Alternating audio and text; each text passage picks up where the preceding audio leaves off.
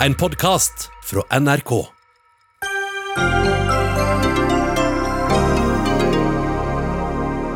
Norges Banks eh, hovedstyre og Nicolai Tangen har sittet i møte flere timer. Fortsatt er det store spørsmålet om Tangen tiltrer som ny oljefondsjef om åtte dager.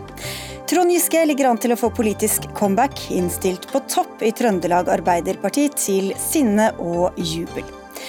Et ja til E18 veltet Vikens fylkesråd i ettermiddag. Beslutningen sendte SV og MDG ut av fylkesrådet i protest. Og politiet i Bergen brukte tåregass mot ungdommer i helgen. Nødvendig, sier politiet selv. En grov overreaksjon, ifølge flere politikere.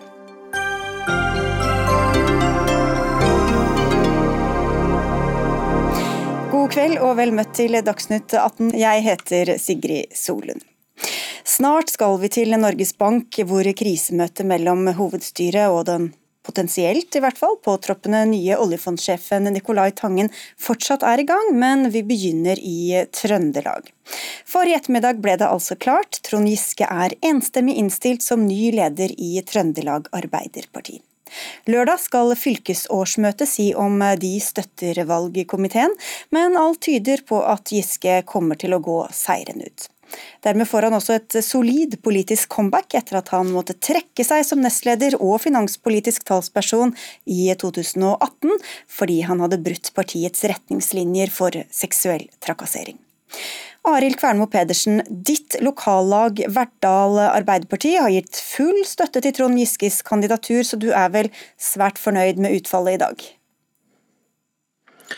Ja, jeg er fornøyd med utfallet, men først og fremst så er jeg fornøyd med det utfallet fordi at valgkomiteen leverer en enstemmig innstilling.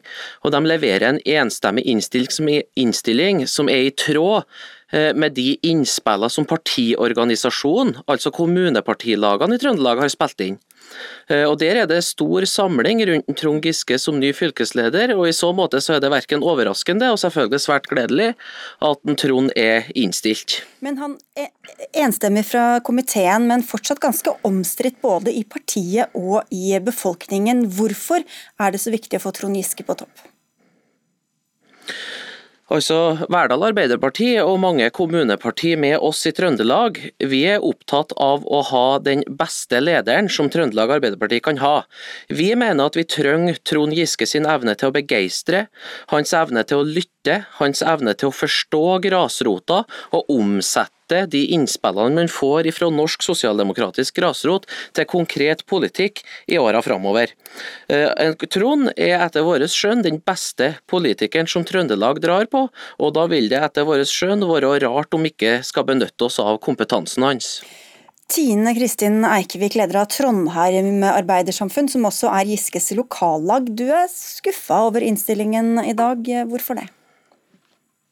Eh, vi hadde håpa at det skulle komme ei kvinne på topp.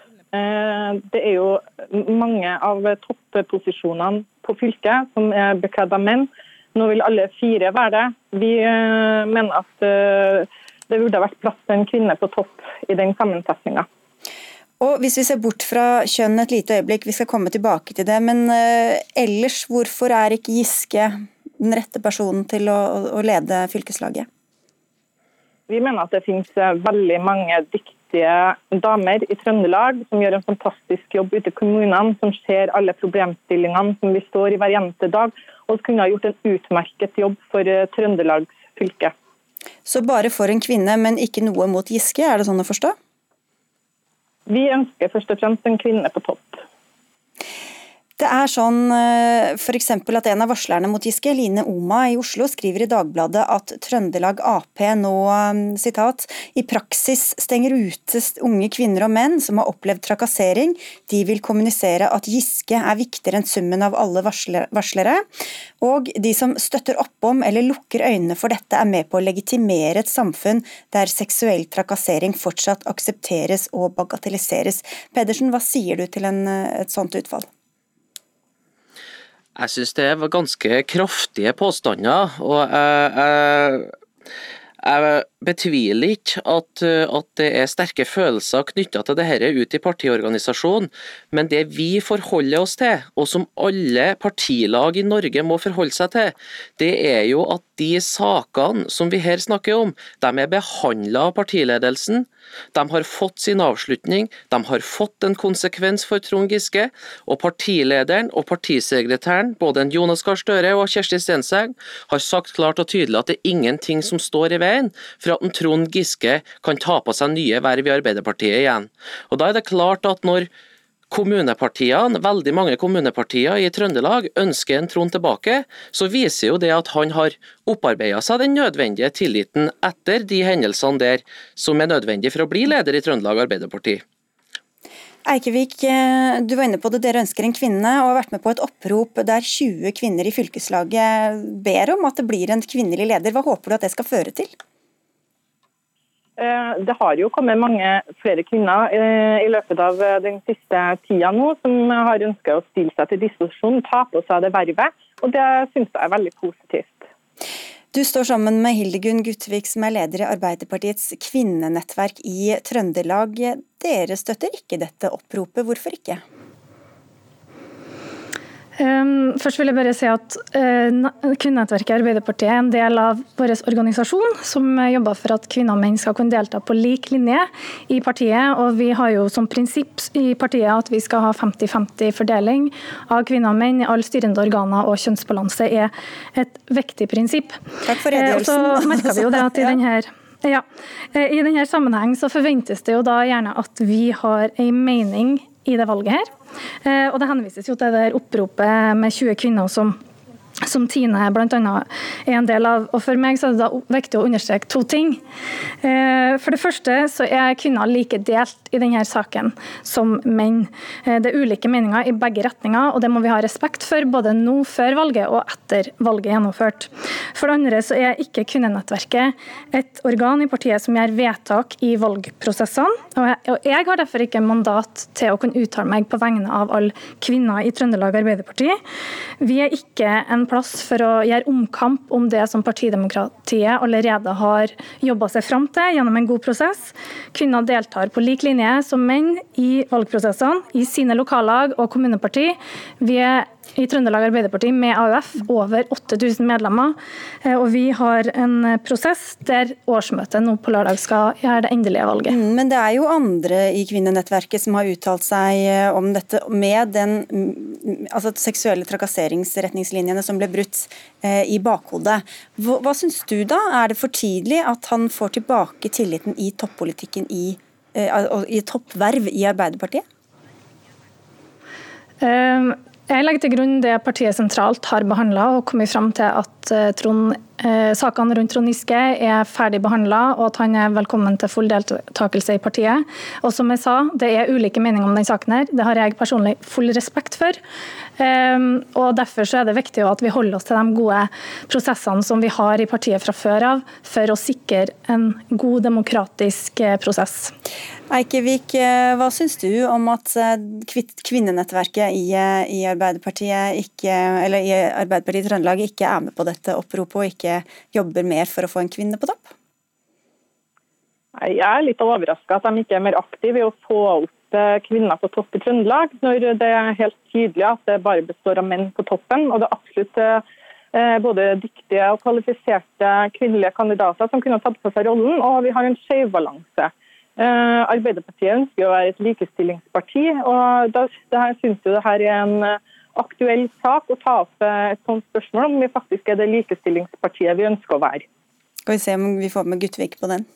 Altså, eh, selvfølgelig, vi skal ha kvinner på linje med menn på topp. Eh, jeg kjenner meg ikke igjen i den fremstillinga som blir gitt av at Trøndelag er mannsdominert. Vi har masse flinke kvinner eh, på topp i maktposisjoner som er viktige og ikke usynlige her. Vi har Ingvild Kjerkol på Stortinget, som er Arbeiderpartiets helsepolitiker. Vi har Eva Kristin Hansen fra Trøndelag, som er visepresident på Stortinget. Vi har Ritt Ottervik, som har 17 år som ordfører i Trondheim. På fylket har vi May-Britt Lagesen og Hanne Mo Bjørnberg. Okay. Ja. Vi har masse flinke damer. og og jeg, jeg synes Det er veldig synd hvis vi skal etterlate et inntrykk her av at, av at de ikke er viktige, selv om man nå eventuelt får en mann på topp.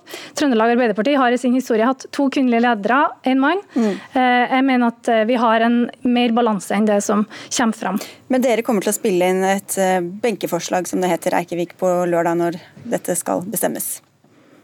Ja, Det får vi se når årsmøtet kommer, men eh, vi vil nok eh, jobbe og se om vi klarer å komme opp med et eh, benkeforslag til årsmøtet. Det var ingen fra valgkomiteen som ønsket å være med i Dagsnytt 18. Vi har også hatt kontakt med Trond Giske selv. Han skriver til oss at han vil vente med å si noe til medlemmene har sagt sitt på lørdag, i respekt for partidemokratiet. Og da takker vi av dere Line Kristin Eikevik, som altså er leder i Trondheim Arbeidersamfunn, Hildegunn Gutvik, leder i Arbeiderpartiets kvinnenettverk i Trøndelag, og Arild Kvernmo Pedersen, som er lokallagsleder i Verdal Arbeiderpartiet. Men vi er ikke helt ferdig med saken likevel. Tone Sofie Aglen, politisk kommentator i VG. Du har hele tiden vært klar på at han har støtte Giske blant store deler av Trøndelag Arbeiderpartiet. Hvor sterkt står han nå før den avgjørende avstemmingen på lørdag? Nei, Min opplevelse er at i Trøndelag og også deler av landet så står han sterkt, har høy tillit. og og det at det er en enstemmig innstilling, eh, det kom overraskende på meg. Jeg trodde nok at det ville komme en eh, dissens eh, eller to. Det sier litt om den posisjonen det har. Så tror jeg nok det at de som har vært kritiske til Giske i Trøndelag, de har vært litt høylytte, fått betydelig plass i media, mens de mange som har støtta han, har sittet litt stille i båten, kanskje opplevd det litt sånn stigmatiserende. og Det har nok gitt et litt skeivere bilde av hans posisjon i Trøndelag enn det det er grunnlag for. Og de som har eh, ikke ønsket ham på topp, som vi hørte her, var det helt andre årsaker enn det som har fått mye oppmerksomhet, nemlig metoo-bevegelsen, bruddene på, på retningslinjene internt i Arbeiderpartiet osv.? Ja, jeg tror nok at det er et fåtall, og da snakker jeg om i, i Trøndelag Arbeiderparti, som uh, har det som et argument at de ikke har tillit til han pga. Uh, metoo. Jeg tror uh, For noen så handler det rett og slett om at man ønsker ikke mer bråk uh, og støy, som man vet at det alltid blir rundt Trond Giske. Så tror jeg kanskje en, en, en hovedårsak til at mange har vært skeptisk, særlig nordfylket, at de tenker på han som en del av en sånn Trondheimselite med mye makt. Og så tror jeg nok at noen, sånn som vi hørte her, er opptatt reelt sett av at det skal være en kvinne. Og Hvis han blir leder, så kommer han jo mest sannsynlig også på topp på stortingslista, og han blir med i sentralstyret, med i landsstyret. Så Kjetil Alstaheim, politisk redaktør i Aftenposten, hva slags comeback blir dette i så fall for Trond Giske? Ja, han får jo tilbake en maktposisjon som er, eh, som er viktig i partiet. så Han har jo da en base. Blir, eh, han får tillits, viktig tillitsverv igjen. Eh, men eh, så er jo spørsmålet hvor eh, effektiv han greier å være i den rollen. hvor i hvilken grad han greier å bygge allianser med andre, og også hvilke sjanser han har for å bli statsråd i en eventuell regjering etter neste valg. Og der, De tror jeg er små. Hvordan vil du si at stillinga hans er blant resten av ledelsen i Arbeiderpartiet, stortingsgruppa, resten av partiet på topplan? Dere i NRK hadde jo et intervju med Jonas Gahr Støre i sommer der han ikke ville svare på om, eh, om Giske var aktuell som statsråd i en Arbeiderparti-regjering. Eh, men han sa jo også at de som skal sitte i regjering sammen, må ha bunnløs tillit til hverandre. Eh, og det er det ikke mellom Støre og Giske. Så, så sannsynligheten for at, at Trond Giske får plass i en større regjering, det vurderer jeg som, eh, som veldig liten. Også klart eh, det er ulike syn på Giske rundt om i partiet. Noen som, som Tone Sofie Aglen er inne på, bare er lei av alt bråket.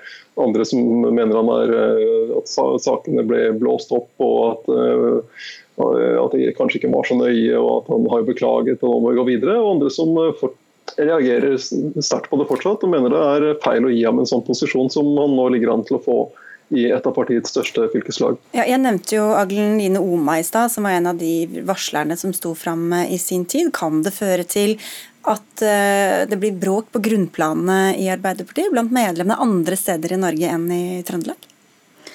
Eh, Bråk eh, blir det vel det eh, uansett. og spørsmålet er jo hvor mye Det har vi jo sett at noen har mista motivasjonen pga.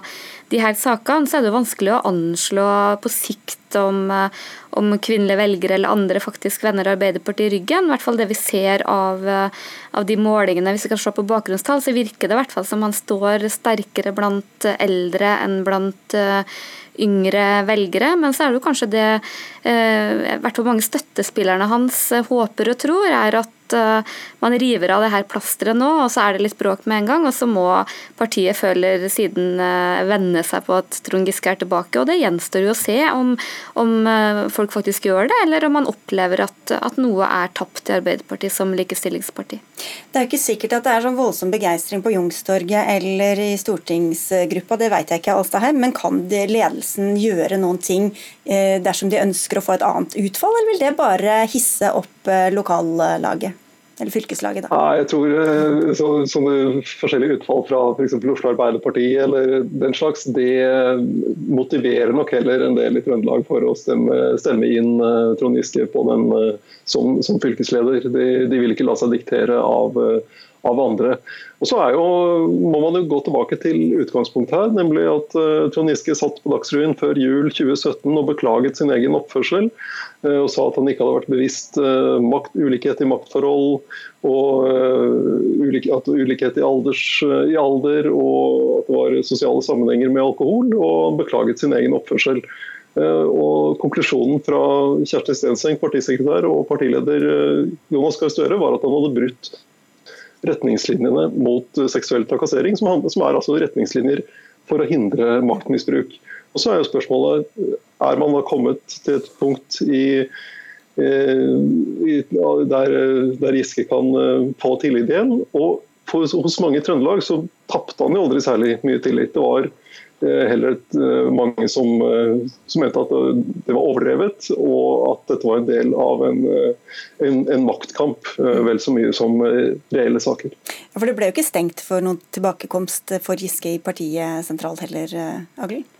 Nei, og det er jo Jonas Gahr Støre sine egne ord om at det er ikke noe i veien for at uh, Trond Giske nå kan gjenoppbygge tillit og igjen søke politiske verv. Uh, hvor mye han innerst inne mener det, kan vi jo sikkert spekulere i, men uh, Trond Giske har nå åpenbart tatt den på ordet. Han har brukt det siste året gått på reiser reise rundt og snakke med folk og har bygd seg en sterk posisjon blant sine egne velgere, i hvert fall. Så han har i hvert fall gjort den delen av jobben sjøl. Og så var det snakk om et benkeforslag, en mulig motkandidat. Hvem kan det være i så fall? Det vil vel være en av de kvinnene som tidligere har stilt seg til disposisjon. Tidligere ordfører i Snåsa, Tone Våg, eh, kan være ett navn. og Om det ikke blir en motkandidat, så blir det jo helt sikkert noen blanke stemmer. Takk skal dere ha begge to, Tone Sofie Aglen fra VG og Kjetil Astaheim fra Aftenposten.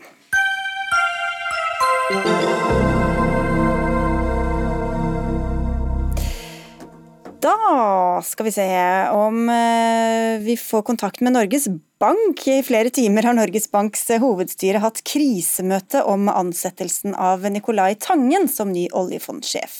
Etter Stortingets finanskomités enstemmige innstilling fredag med strenge krav til å fjerne mulige interessekonflikter, er saken igjen på Norges Banks kontor, holdt jeg på å si, bord skal det være. Vi forsøker å få kontakt med vår reporter. Vi skal se om vi kommer ned dit eh, etterpå, men vi går til deg først, Veslemøy Østrem, nyhetsredaktør i eh, Vårt Land.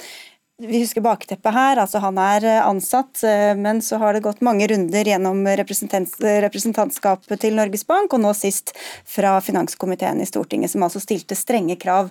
Likevel så skriver du i dag at du tror at de kan bli enige. Hvordan skal de klare å løse denne knuten?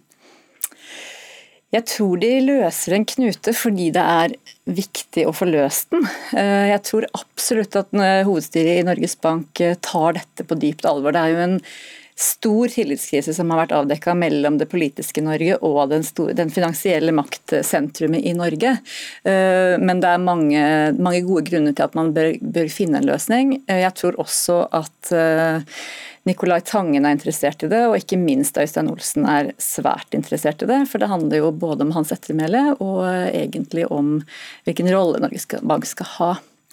Men det er et veddemål på gang, eh, skal vi tro en overskrift i Bergens Tidende. Tangen må gå, skal vi vedde, skriver du Anne Rokkan, du er kommentator i BT. Hvorfor tror ikke du at han kommer til å tiltre da om bare få dager?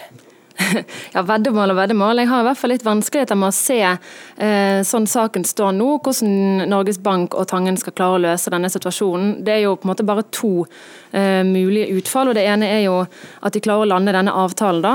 Eh, men sånn den, det kravet som kom fra Stortinget på fredag er jo formulert som at Tangen verken kan ha eh, eierskap som kan skape, eller fremstå å skape interessekonflikter. Eh, og I den formuleringen så synes jeg det ligger en åpenhet for at dette ikke bare trenger å være en teknisk godkjent avtale, men at hele inntrykket og hvordan dette oppfattes av interessentene, som i stor grad er folket og politikerne, det vil også spille inn. og det er klart at Å sy sammen noe sånt etter dette negative medietrykket uh, tror jeg er komplisert. Og Det andre som kan løse situasjonen, er jo selvfølgelig at Nicolai Tangen selger seg helt ut av dette fondet. Noe jeg tror det sitter ganske langt inne for han å gjøre, veldig forståelig nok. Uh, hvis han likevel velger å selge det som er en stor del av hans mm. ja, livsverk og identitet, så står det veldig stor respekt av det. Men um, ja, jeg tror det er tungt for han. Cecilie Langen Becker, økonomikommentator i NRK. Du står utenfor Norges Bank, hvor det er mange utålmodige journalister som har ventet i hele dag. Hva vet vi om det som har foregått på innsida der? De har hatt et uh, møte i uh, hovedstyret i Norges Bank som begynte klokken to. Uh, rundt rett etter fem fikk vi vel beskjed om at det nå skulle være en pressekonferanse i kveld klokken syv. Og Der skal både sentralbanksjef Øystein Olsen, som også er leder av hovedstyret, og det som står i pressemelding, påtroppende oljefondsjef Nicolai Tangen også delta. Så det er mulig vi kan tolke noe der, og at det nå er helt sikkert at han skal tiltre 1.9. Mm, men ingenting har lekket ut. Det er fortsatt sikkert som banken nede i Norges Bank? Nei, ingenting har lekket ut uh, foreløpig, men at de nå kommer med en pressekonferanse såpass kort tid etter at dette møtet startet, det kan man jo kanskje tolke i en positiv retning. At de har kommet frem til en eller annen form for eh, løsning. Om politikerne virkelig mener at alle tenkelige konflikter skal elimineres, vil de samtidig eliminere flesteparten av kvalifiserte kandidater til stillingen. Det skriver du i VG i dag, Ole Jakob Sunde. Du er styreleder i Skipstedt ASA og styreleder i Formuesforvaltning AS. Nå er det jo få minutter holdt jeg på å si, til vi får fasiten, men hva håper du har kommet ut av det møtet i dag? Eh, først vil jeg si at uh, denne saken er ikke så lett å uh, fatte, så jeg har tenkt på et bilde. Og jeg tror at bildet kan være som følger. Hvis du er bonde, må man si at du er kvalifisert til å bli landbruksminister. Men så er spørsmålet, hvis denne bonden da eier en fin gård, og han selger gården sin for å bli landbruksminister? Og vil han ha interessekonflikter hvis han ikke gjør det? Og jeg mener at uh, det må kunne være mulig, uh, slik som også da uh, Slagsmål Vedum gjorde, å være landbruksminister uten at du må selge gården. For jeg er enig med Østrem at jeg tror at de vil forsøke å finne frem til en løsning innenfor det regelverket som både Stortinget og representantskapet har pekt på. Hvordan kan en sånn løsning se ut da, tror du? Altså jeg tror at det vil se at, eh, det var det jeg forsøkte å belyse i kronikken, at uh, hvis man uh, setter seg ned og går nøye gjennom hvordan eventuelt uh, en interessekonflikt skulle svekke Tangens stilling, så vil man fort finne ut av at det gjør den jo ikke. Fordi Norges Bank holder på med en annen type forvaltning enn det AKO holder på med altså Tangens gård, om du så vil. Eh, så jeg tror at det skal mye til for at det kan oppstå reelle interessekonflikter, eh, hvis man da tar utgangspunkt i eh, hvordan forvaltning og informasjonsflyt vanligvis skjer i slike bedrifter. Men hvis vi ser på uh, alt det som har vært sagt og gjort i denne saken, uh, Rokkan først. altså når, når, Stortinget har vært så tydelige, hvorfor, hvordan skal de da kunne leve med noen flere sikkerhetsmekanismer? Nei, Det er jo det som er det store spørsmålet. da, at eh, Om de klarer å, å, balansere dette på noe vis. Eh, men jeg må jo si det at når det kommer til denne bekymringen for at hvis vi sier fra oss Tangen, så sier vi fra oss den beste kandidaten. Eh, altså, dette er jo en eh, veldig spesiell jobb, og kanskje litt mer spesielt enn både å være bonde og, eh, og politiker. For det at eh, vedkommende som får denne stillingen skal forvalte eh, pengene mine, dine og alle som ser på sine. Og det stiller noen helt egne krav til altså Tangen er ansatt av Norges Bank, men han jobber på en måte for oss. og jeg tror at Eh, det at det norske samfunnet preges av en så høy grad av tillit, det er jo en økonomisk eh, verdi i seg selv. Eh, om vi nå skulle ende opp med å få måte, den nest beste forvalteren, men en som kan opprettholde omdømmet og tilliten til oljefondet på en bedre måte enn Tangen, så er kanskje ikke det en så dum deal likevel. Men det beste hadde selvfølgelig vært å få begge deler, hvis de klarer å måte pakke Tangen inn i noe vi kan godta. Men Sunde, du skriver at det kan gå utover tilliten hvis Tangen og hovedstyret trekker seg, men tilliten fra hvem, mener mener du da? Ja, Det som er tilfellet, er jo at uh, det finnes en styringsmodell uh, for Norges Bank. og Den understreker veldig sterkt at Norges Bank skal være uavhengig. Og Det har noe med at en uavhengig sentralbank det er viktig i veldig mange beslutninger uh, som, for å gi tillit til sentralbanken. Og det, Hvis det nå blir slik at det regelverket som Stortinget nå har Eh, forsøkt å skissere, skal tolkes så strengt um, at um, det oppleves som kan du si, en korreks til Norges Bank, og at de ikke har gjort jobben sin, ja, så har de jo uttrykt i realiteten en mistillit til Norges Bank. Og da kan det godt være en konsekvens at de måtte trekke seg.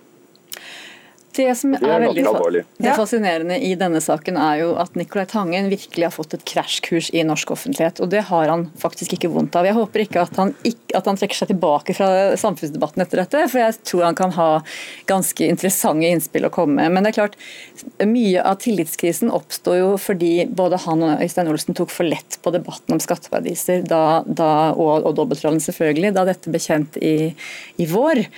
Eh, det som er gledelig nå, er jo at hele det politiske spekteret i Norge faktisk har brakt skatteparadisdebatten fram i offentligheten, og hvor kanskje også Norges Bank kan ta en mye mer aktiv rolle i den, i den diskusjonen.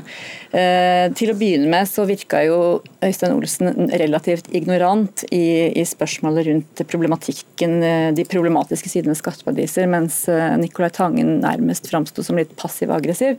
Det tror jeg ikke han kommer til å gjøre, og jeg tror også at noe av det de kommer til å legge fram handler om hvilken rolle oljefondet og Norges Bank ønsker å ta i den debatten.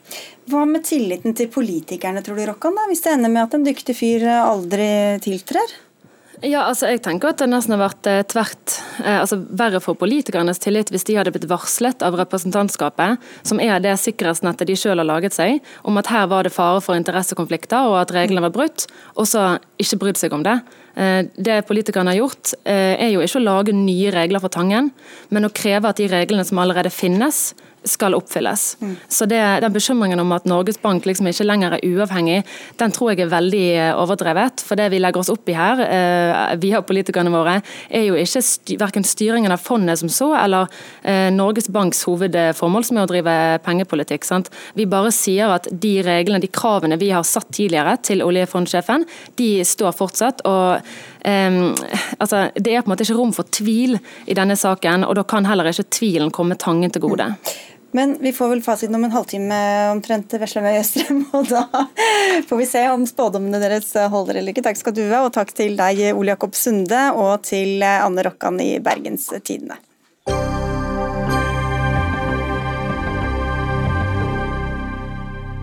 Snart skal det handle om kortbanenettet for fly her i Dagsnytt 18, men før det til et samferdselsprosjekt som berører veldig mange mennesker på Østlandet, og som har vært debattert i flere tiår, faktisk.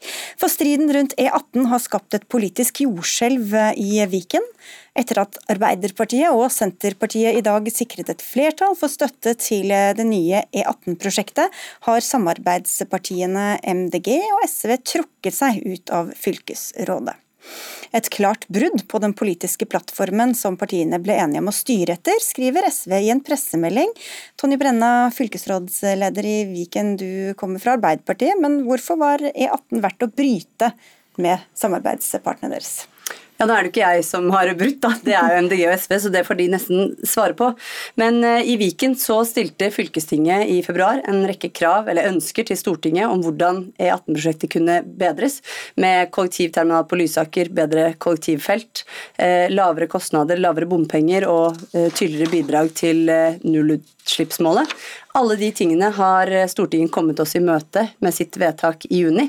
Og når vi da trakk garantien vår i februar for å få på plass disse løsningene, så mener vi da, nå det er naturlig å stille garantien på nytt eh, når disse tingene er innfridd. Altså Også, garantien må dere bidra med penger og er med i samarbeidet? Hva sa du nå? Ja, garantien deres om å bidra med, inn med penger inn i Ja, det er litt mer teknisk enn det, men, eh, men, en garanti, da. Det er en fylkeskommunal garanti, er noe som man stiller eh, eh, som en forsikring til en riksvei f.eks. Hvis det er sånn at bompengene ikke kommer inn over tid, så stiller vi med de pengene. Så i utgangspunktet koster det ingenting å stille en garanti. Det er en mer sånn teknisk ting man gjør for å få på plass et eh, samarbeidsprosjekt da, mellom lokale og nasjonale myndigheter. Ok, men dere, dere, var, Alle partiene var først skeptiske, og så sendte dere en rekke krav. Og så mener du nå at dere er kommet i møte og blitt møtt på alle kravene. Mm. Og så sier de, disse to partiene, altså MDG og SV, at ja, men vi vil likevel ikke være med. Og Det som, det som jeg syns er veldig underlig, da, det er at man kan sitte sammen rundt et bord, skrive en fylkesrådsplattform, være med på et fylkestingsvedtak hvor man stiller en rekke krav. Når kravene blir innfridd, så har man ikke lyst til å ta ansvar likevel. For meg høres det veldig rart ut, og eh, da tenker jeg at det er egentlig en helt fair uenighet. Her skilles våre veier. Arbeiderpartiet har lyst til å ta ansvar, eh, få i gang E18-prosjektet, bygge Fornebubanen, bidra til utvikling eh, Fornebu, på Fornebu vest for Oslo. Det har ikke SV og MDG, og det får egentlig de stå for eh, hvor hvorfor de ikke har lyst til å være med og ta ansvar for at de får det som de vil, og så allikevel trekker seg. Vi får høre om virkelighetsbeskrivelsen er den samme på den andre siden av bordet. Kristoffer Robin Haug, du er tidligere får vi vel si nå da, fylkesråd for kollektivtrafikk i Vigen, Viken og representerer MDG. Er du enig i at det var sånn det skjedde? Altså, Vi står jo nå midt i en klima- og naturkrise, og så nekter Arbeiderpartiet å ta det inn over seg. Altså, Vi kan ikke eh, snakke om en bedre klima- og miljøpolitikk, men da fortsette å presse gjennom grå motorveiløsninger fra forrige århundre. Det var plattformen vår tydelig på at det er det motsatte av den samferdselspolitikken vi skulle føre i Viken. Ja, Da viser du til plattformen, men så sier Brenna jo, men dere ble jo enige om å stille en rekke krav, og så hvis de kravene ble innfridd, så skulle dere gå for dette? Ja, og ingen av de eh, endringene som er, eh, som er, foreslått i prosjektet, er på noe som helst vis bra nok eh, til å, til å, treffe de kravene som vi har både i plattformen og i fylkestingsvedtaket for å gå for det veiet. Så det ble ikke innfridd da, egentlig, de kravene? Altså, vi i Miljøpartiet De Grønne vi sier ja til å holde på miljøløfter og holde fast ja, på klimamålene. Hvis du legger slagordene litt til side, så bare lurer ja. jeg på, var det sånn at dere kom med en rekke krav, og så sa Stortinget ja, vi går om på alle kravene? Nei, vi har jo blant annet sagt i fylkestingsvedtaket at dette her skal avgjøres mellom partene i Oslopakke 3. Partene i Oslopakke 3 er fortsatt ikke enige om noen løsning. Altså er det ett krav som åpenbart ikke er innfridd. Ja. ja. for dette er da et sammensurium av ja. Ja. folk og partier og instanser som skal bli enige både på riksplan og på lokalplan mm. og regionplan. Brenna. Og Oslo er jo ikke med på dette Nei, og, og, egentlig er jo dette Oslopakke 3 et eh, veldig godt stikkord, fordi eh, Oslopakke 3 er egentlig en avtale om, og et forhandlingsinstitutt mellom staten, Oslo og Gamle Akershus, nå Viken, om hvordan vi skal eh, kreve inn bompenger og investere i samferdselsprosjekter i vårt område. Eh, og da er det sånn at Den avtalen, som hadde sin første avtale i 1990, og man har jobba med å revidere over mange år, eh, den eh, hadde vi sist en enighet om i 2016. Og i 2016, og dette er litt interessant, det har ikke kommet helt fram i dag, så satt jo MDG i Oslo rundt bordet forhandla fram en eh, E18-løsning som de etterpå ble imot, som vi tok til Stortinget og forbedra, og som de nå er mm. enda mer imot, enda prosjektet har blitt mer miljøvennlig. Ja. Så MDGs resonnement henger jo ikke helt sammen her. Den ene gangen kan de være for et E18-prosjekt som har dårligere kollektivløsning. Når løsningen blir bedre, så er de allikevel imot. Så men, det er jo ikke helt å bli klok på. Ok, men Hvis vi ser fremover da, og ser mm. på det prosjektet som dere nå sier ja til, mm. er det sånn at Viken fortsatt har ambisjoner om å kutte klimagassutslippene med 80% innen 2030? Ja, absolutt. Og Hvordan skal dere klare da det, når vi vet at mer vei gir mer biltrafikk? Inn til byene, som man har sagt at det ikke skal være. For det første så er det jo lavere kapasitet på det prosjektet på E18 som nå er planlagt, enn det som ligger i dag. Altså ny E18 gir mindre vei, fordi det blir færre felter og mer kollektivfelter. Så Det er liksom den ene dimensjonen. Den andre dimensjonen er jo eh, at man også regulerer bruk av vei. altså Hvor mange som kjører på vei, handler jo ikke bare om hvor asfalten ligger og hvor bred den er, men hvordan man bruker andre typer regulerende tiltak. Og det tredje, som er veldig viktig, det er jo at Lysaker kollektivterminal, som er en av de tingene som Viken krevde av Stortinget, og som Stortinget leverte på, skal sørge for at mange av bussene kan snu på Lysaker og reise ut igjen. Så det blir jo færre busser i Oslo by av denne løsningen, som jo gjør det enda mer underlig at det nå blir så massiv motstand mot denne løsningen, når det faktisk er en bedre kollektivløsning. Vi, vi husker på at dette er et program for hele Norge, så litt, eh, ikke så mye om Lysaker, men mer om liksom det overordna. Men er du enig? Er det mindre, blir det færre biler og mindre vei på dette prosjektet enn sånn som det er i dag? Dette er ikke et miljøprosjekt. Dette er en motorvei til 17 milliarder kroner. Det er ingen tvil om at dette vil føre til mer biltrafikk. Det blir en bredere motorvei, det blir en lengre motorvei, det blir en større motorvei enn det man avtalte i 2016. Du får flere nye av- og påkjøringsramper. Du får mange nye veier på toppen av disse tunnelene som skal, uh, som skal bygges. De blir merkelig å hevde noe annet. Og Statens vegvesens egne beregninger som de legger frem i stortingsproposisjonen, sier at trafikken vil øke, med mindre du har ekstremt høye bomsatser både på veien og på sideveiene. Og den, En av disse endringene som er tatt inn nå, er jo at man senker jo da noen av, eh, noen av bompengetakstene, som gjør det enda mer usannsynlig at man kommer til å komme i mål med de, trafikk, eh, med de trafikkmålene her. Men igjen da, de endringene er gjort etter vedtaket vi gjorde i fylkestinget i Viken, som var et rød-grønt vedtak. Så det er jo litt pussig den ene måneden å legge fram forslag til endringer, og så bli imot de når de blir innfridd. Når det er sagt, så er det en viktig dimensjon til ved dette. Og det er at eh, E18 har jo en påkjøring av og på Fornebu, et område hvor det skal bli 11 000 nye boliger, er masse arbeidsplasser i dag, og med veldig mange mennesker ferdes. Den, eh, det området skal jo forbindes med Oslo og internt i Bærum med Fornebubanen. Og finansieringa av disse to prosjektene henger nøye sammen. Det som eh, gjorde at vi måtte si at nok var nok, Senterpartiet og Arbeiderpartiet, at vi ikke ville gå lenger med denne motstanden mot lovlig fatta demokratiske vedtak gjennom flere tiår på E18, det var at vi nå risikerte å ikke få på plass Fornebubanen, et enormt viktig kollektivtrafikkprosjekt for hele vårt område. Som samferdselsministeren har vært helt tydelig på at det ikke blir noe av, med mindre det blir en ny E18. Så hvor, hvor, hvor skulle det blitt av Fornebubanen hvis dere fikk bestemme, Haug? Jeg tror alle skjønner at du ikke trenger å bygge en motorvei for å bygge en T-bane. Nei, men hvis pengene ikke er der, så er det jo vanskelig å bygge den T-banen, da. Det, det å bruke 17 milliarder kroner på en motorvei, det er jo der pengene går til i dag. Det er det som er problemet. Jo, men dette Det- er jo et spleiselag fra staten og Ja, fra ja. fylkeskommunen og Helt kommunene. og Så hand- hvis staten ikke vil være med, Ja, hvem hand- skal betale da? Ja, Det handler om politisk vilje og evne til å prioritere. Ja, og det er nettopp det flertallet har gjort, og jeg forstår at dere er uenig i det, men flertallet har bestemt at sånn skal det være.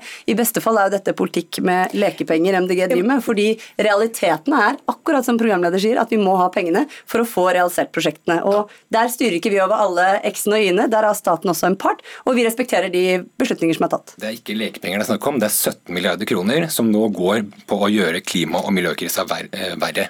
Altså, Vi politikere i dag er ansvarlig for klima og miljø, og jeg skjønner godt hvis ø, ungdommen som så for seg at ø, samferdselspolitikken i Norge skulle gi dem mer kollektivsatsing og et levelig klima i fremtiden, er skuffa i dag. For det er vi også. Og det er vel, Dere hadde vel ikke fått med alle de andre samarbeidspartene hvis ikke de så for seg at det skulle bli bedre kapasitet også for bilene på disse veiene? Altså, E18 som prosjekt er endra. Det er færre bilfelt på den nye veien enn på dagens vei. Så dette er egentlig veldig enkelt. hvis man ser... Stortingsproposisjonen sier at det blir ett felt mer på veien. Hvordan er det mulig å være uenig om dette? Veldig forvirrende. Det er bare å lese stortingsproposisjonen. stortingsproposisjonen. Men uansett så tenker jo jeg at, eh, at det at eh, vi prøver å løse eh, veksten i bynære områder i hele vårt område med bedre kollektivtilbud, det er jo noe vi alle burde kunne være enige om. Da trenger vi penger også til å finansiere Fornebubanen. Det vil ikke MDG være på, det mener jeg er leit. Men blir dere da et støtteparti for den gjengen, eller? Vi har jo gått til valg på å samarbeide med partier som vil sette klima og miljø, eh, mennesker og miljø på dagsorden. Eh, Det viser Arbeiderpartiet at de ikke prioriterer i dag. Nei, men- Klimaløftet fra Arbeiderpartiet er ikke verdt papiret de har skrevet på. Den plattformen vi ble enige om sammen, som skulle føre til en mer miljøvennlig, eh, miljøvennlig politikk i Viken, har ikke blitt fulgt. Så når neste budsjett skal vedtas, så sier dere Det får vi se.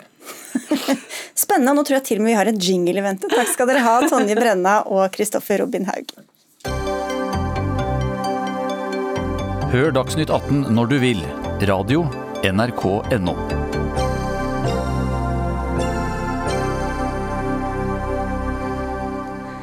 Sånn, nå var det ordentlig Dagsnytt 18 her. Skepsisen er stor til å legge ned flyplasser i distriktene her i landet. Før jul kom et utvalg fram til at det trengtes en ny vurdering av det norske kortbanenettet. Nå har høringsfristen gått ut, og reaksjonene fra store deler av Norge har vært negative. Sverre Kvale, du er tidligere Avinor-sjef og ledet utvalget som så på flytilbudet i Norge, hvor dere også altså tar til orde for å revurdere antall flyplasser i distriktene. Hvorfor det? Har, eh, for det første så har vi ikke anbefalt å legge ned flyplasser. Vi har i forbindelse med at vi er bedt om eh, i mandatet vårt å se på hvilke tiltak som kan øke konkurransen og tilbudet på kortbanenettet på de såkalte FOT-rutene. Så har vi de kommet med en anbefaling om at det gjøres en konsekvensutredning av at man delte ansvaret for disse flyplassene i to. Fylket skal nå overta faktisk fra i år. Uh, altså Anbudsrundene, ansvaret for anbudsrutene, altså å sette ut disse kontraktene. Uh, mens Avinor uh, som stat skal beholde flyplassene. Og I den forbindelse har vi anbefalt at man bl.a. ser på flyplassstrukturen og konsekvensutreder denne beslutningen. Ja, det er det jeg sier, at Man skal revurdere antall flyplasser. Hvorfor er det grunnlag for å gjøre det?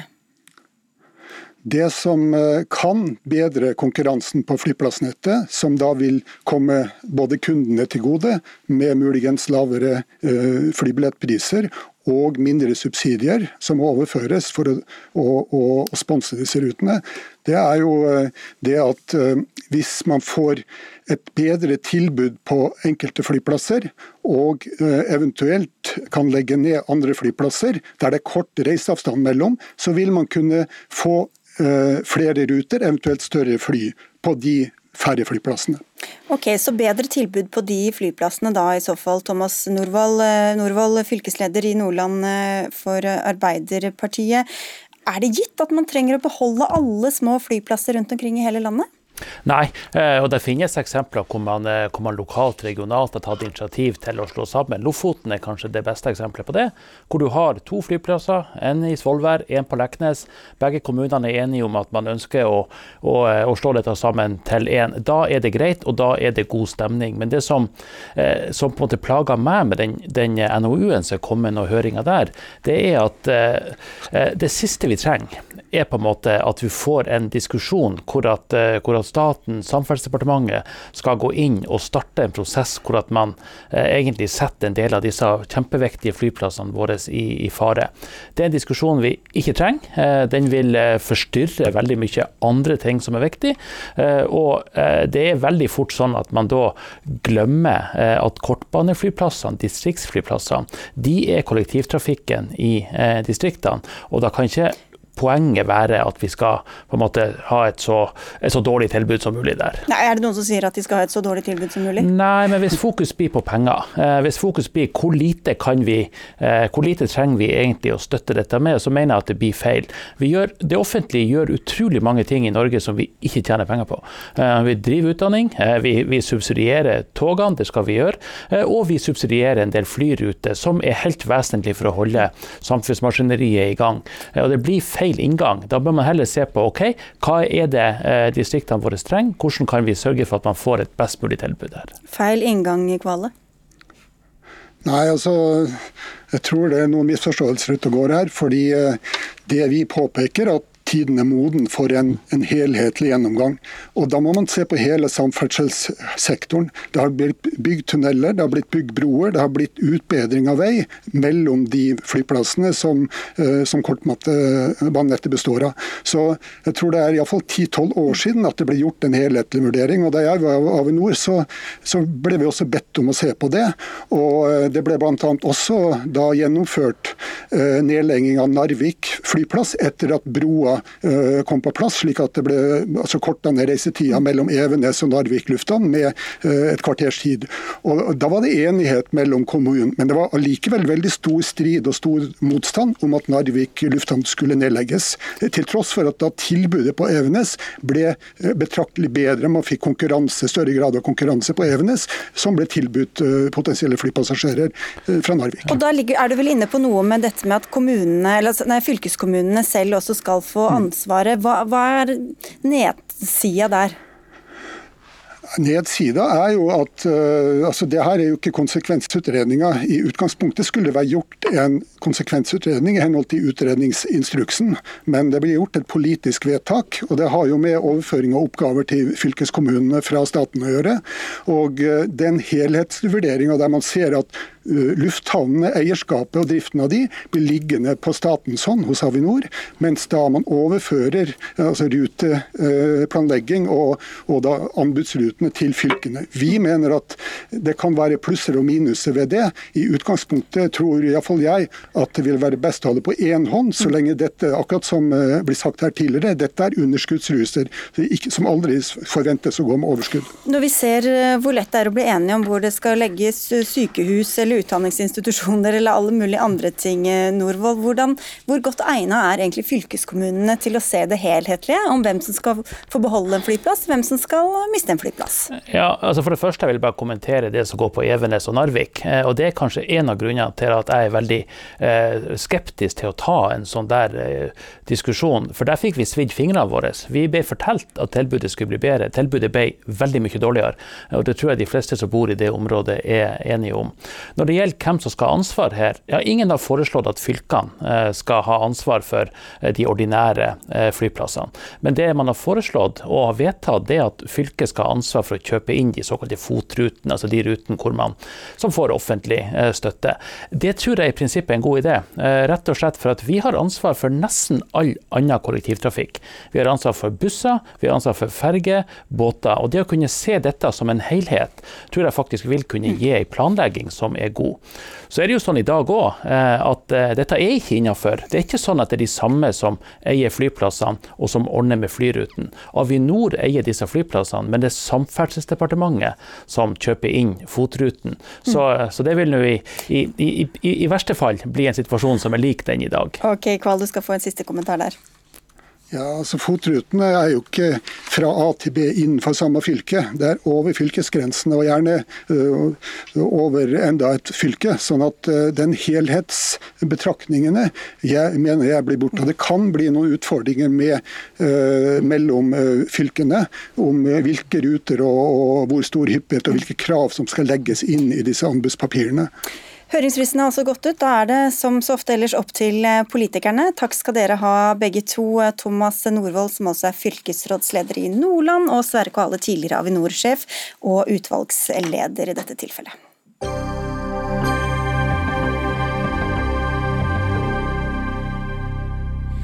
Politiet i Bergen har fått mye kritikk etter å ha brukt tåregass mot demonstranter i helga.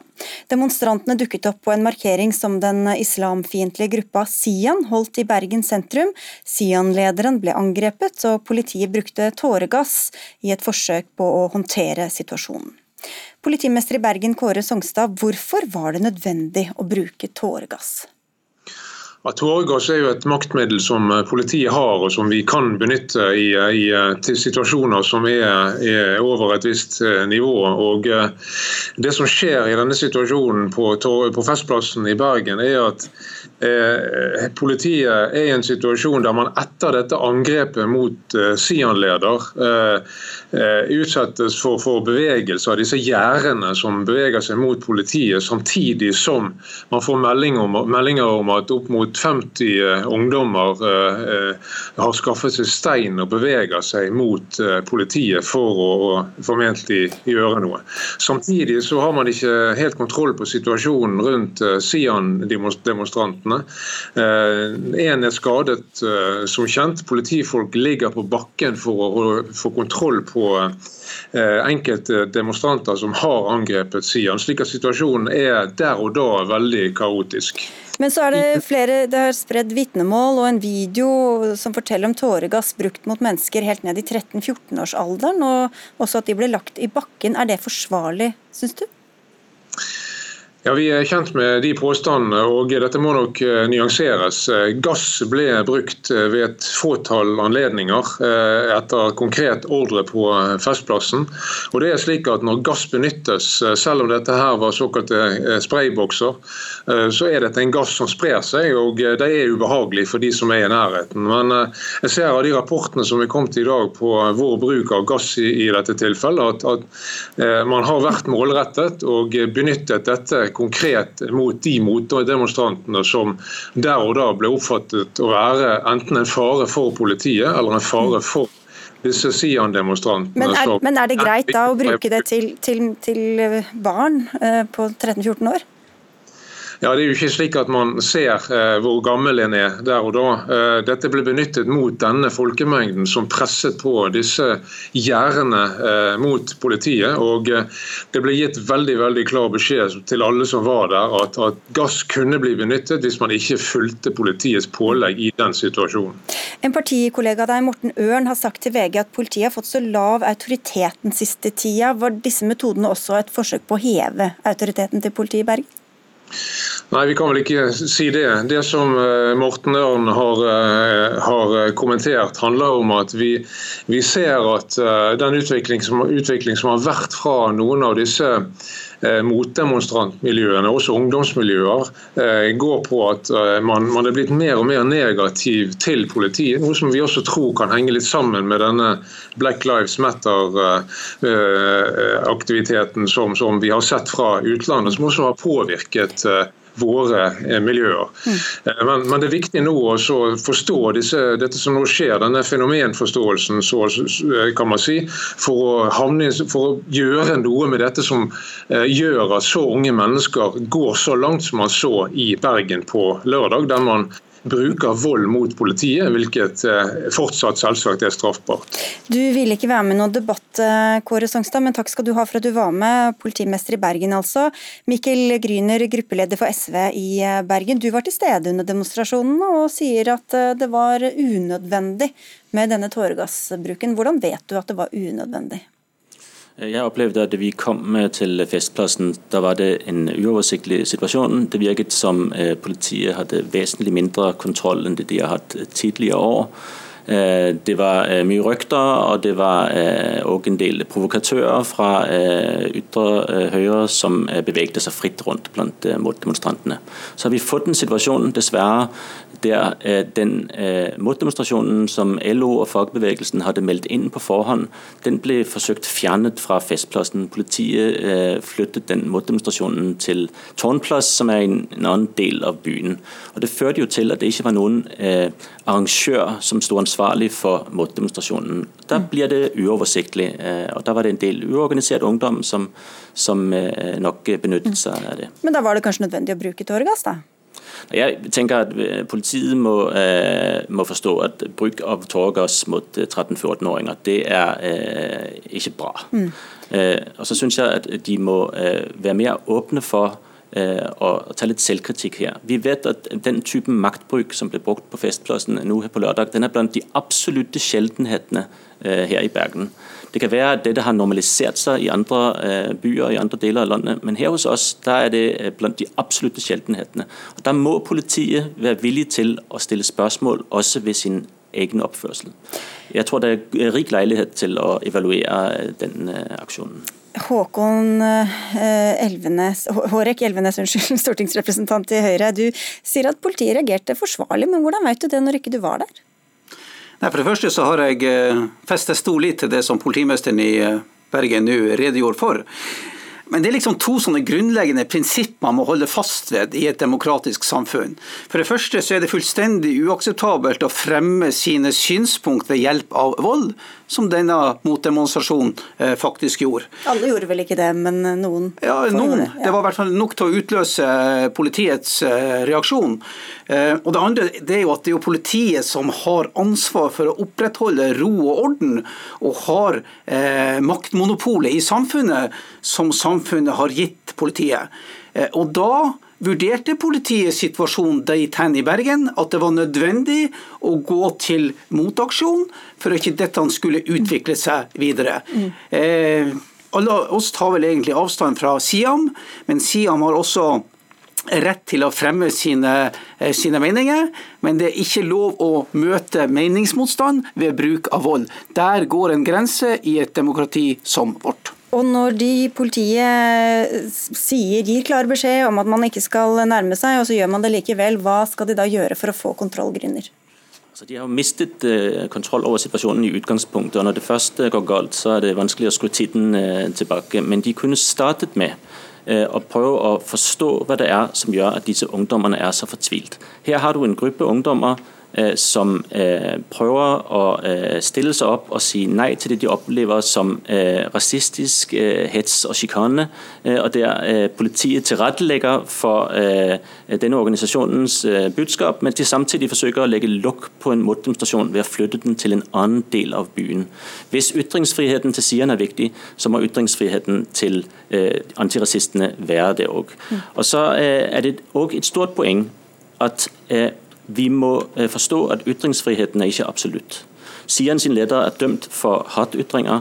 Øh, og Politiet mener jeg må øh, ta inn over seg at så lenge de ikke ser ut til i stor nok grad å gripe inn overfor ulovlige hatytringer, da kan ikke de vinne disse ungdommene over på sin side. Da ser de disse ungdommene vil se politiet som folk som utelukkende er der for å beskytte rasistene. Ok, Så da blir det en, en, en, diskusjon om hvorvidt hvem som skal få lov å demonstrere, hvem som skal få lov å holde markeringer. Men uh, Elvenes, når du, når du ser tåregass mot 13-14-åringer potensielt, som det er i hvert fall det folk har hevdet, da.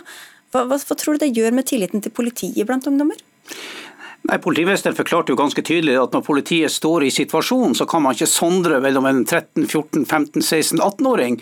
Da må man håndtere situasjonen slik den er. Eh, og Man forsøkte jo å bruke tåregass der man mente det var nødvendig å bruke tåregass. Men man må jo ikke, og det er til min eh, motdebattant borte i Bergen, at det må ikke være én lov for Loke og én for Tor hva gjelder ytringsfriheten eh, og gjelder politiets håndhevelse av lov og orden. Når den, disse motdemonstrantene demonstrantene begynte å kaste stein, kaste egg, forserte de sperringene som politiet hadde satt opp. Det er jo helt tydelig at politiet hadde tenkt nøye gjennom hvordan dette kunne komme til å arte seg, og kanskje hadde lagt et worst scenario til grunn. Og når de så at situasjonen utvikla seg i den retning, så gjorde de det som politiet etter loven gir de mulighet og plikt til å gjøre, og håndheve alminnelig ro og orden. Og Da nytter det ikke å se mellom fingrene og, og skape en form for eh, eh dispensasjon for enkelte grupper, fordi at man mener at de har særskilte rettigheter til å ta ekstreme virkemidler i bruk for å fremme sine, sin, sin motdemonstrasjon. Her må man tenke prinsipielt innenfor demokratisk eh, rettsstat sine, sine forordninger, og da gjorde politiet det som et politi i en rettsstat og Norge burde gjøre. Griner.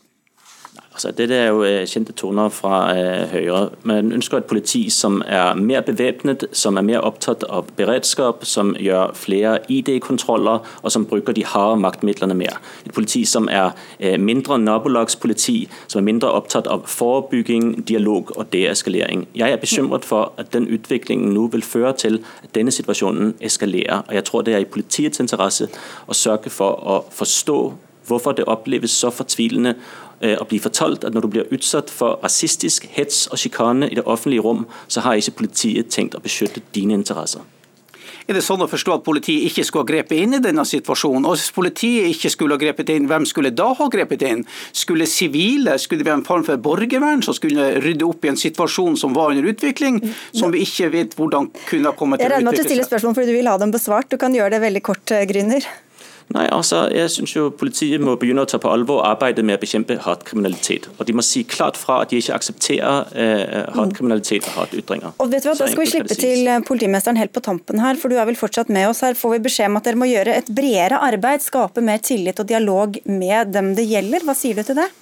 Ja, Det er jeg faktisk enig i. Jeg tror vi må gjøre eh, mye mer der nå eh, fremover. Og eh, Det som har skjedd i Bergen på lørdag er et, en viktig læringspunkt for oss. Men vi må ikke glemme når vi snakker om det at politiet skal legge til rette for å, beskytte motdemonstranters mulighet til å komme med budskap, at her opplever vi et koordinert angrep mot Sian og et koordinert angrep mot politiet med bruk av steinkasting, kasting av andre ting og, og egg. Mm.